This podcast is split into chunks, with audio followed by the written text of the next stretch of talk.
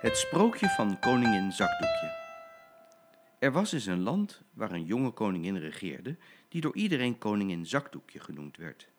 Dat kwam omdat ze dol was op heel fijne, kleine zakdoekjes. En altijd had ze er eentje in haar hand. En in haar kasteel had ze kisten vol prachtige zakdoekjes. De koningin vond het heerlijk om de zakdoekjes zelf op te hangen, als ze gewassen waren.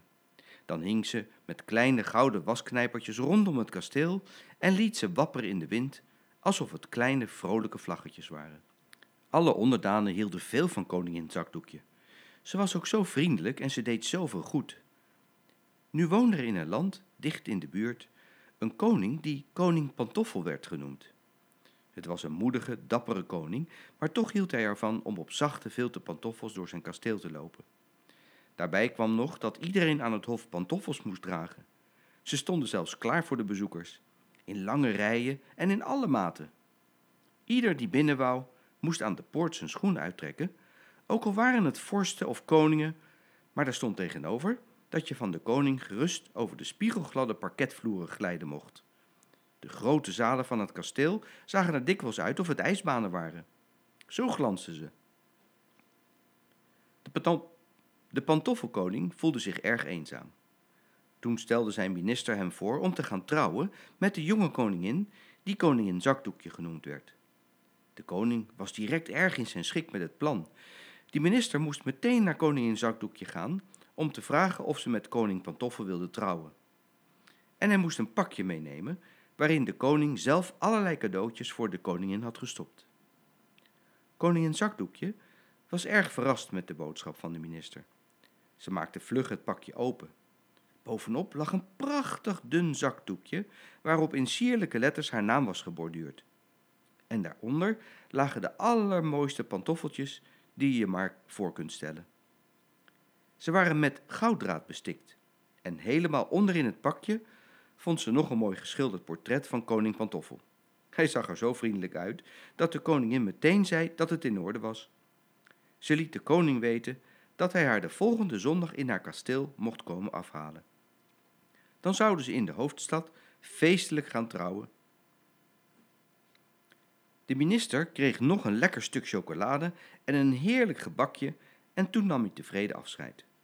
De koningin ging dadelijk de mooie pantoffeltjes aanpassen. Ze paste precies, maar nu bemerkte ze pas dat er een fijn klokkenspelletje in zat. Zo gauw ze ging lopen, speelde het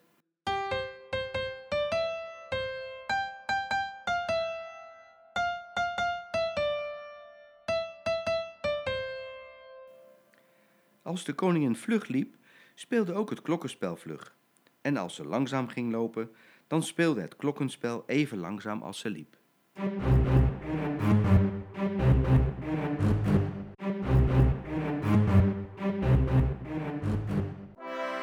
Maar nu was er in de buurt nog een derde koninkrijk.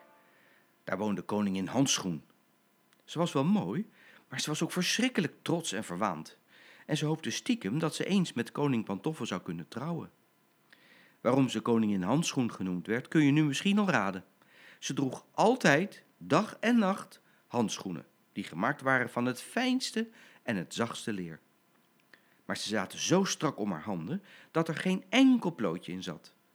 En ook de hele hofhouding had op haar bevel dag en nacht handschoenen aan.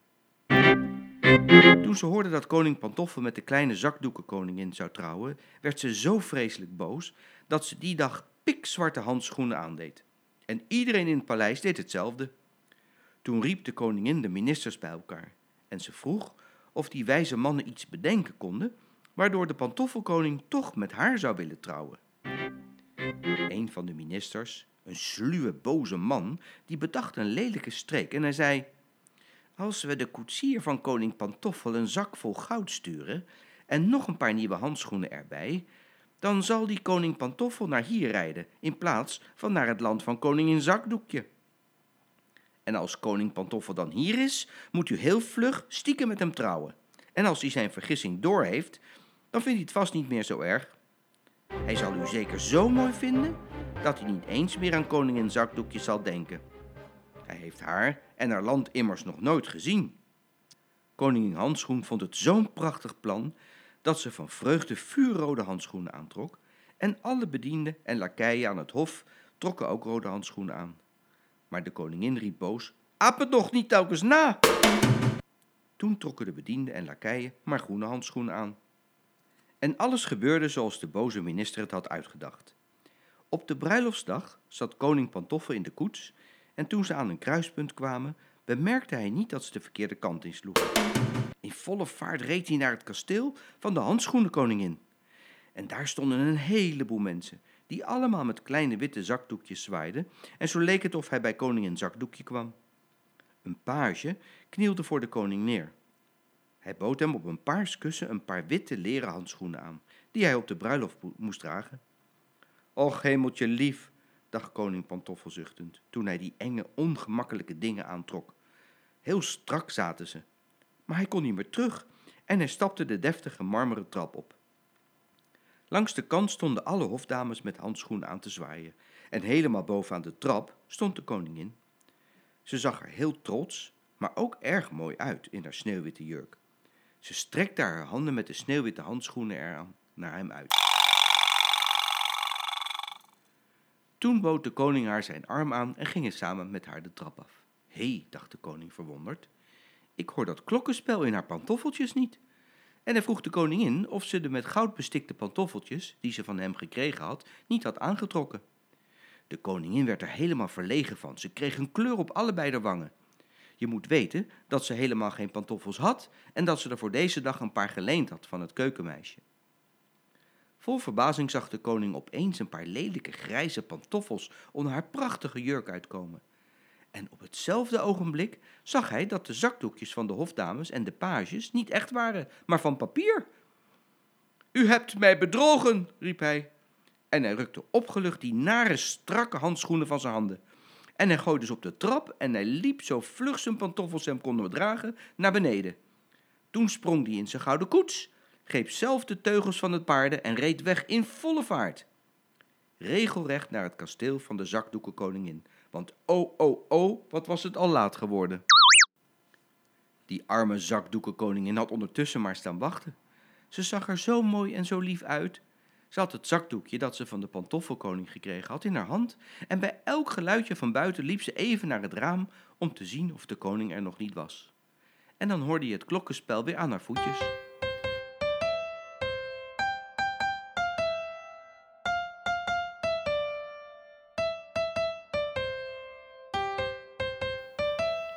Maar het werd later en later en toen ze telkens nog maar heel langzaam naar het venster toe liep, klingelden de klokjes al even langzaam en verdrietig.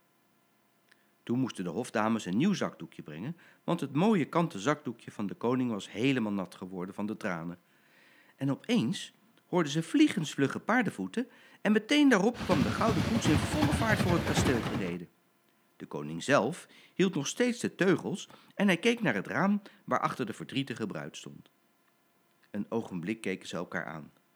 Toen keerde de koningin zich om tilde met allebei de handen haar ruisende zilveren bruiloftskleed een beetje op en liep op vlugge voeten, hup, hup, hup, de trappen van het kasteel af.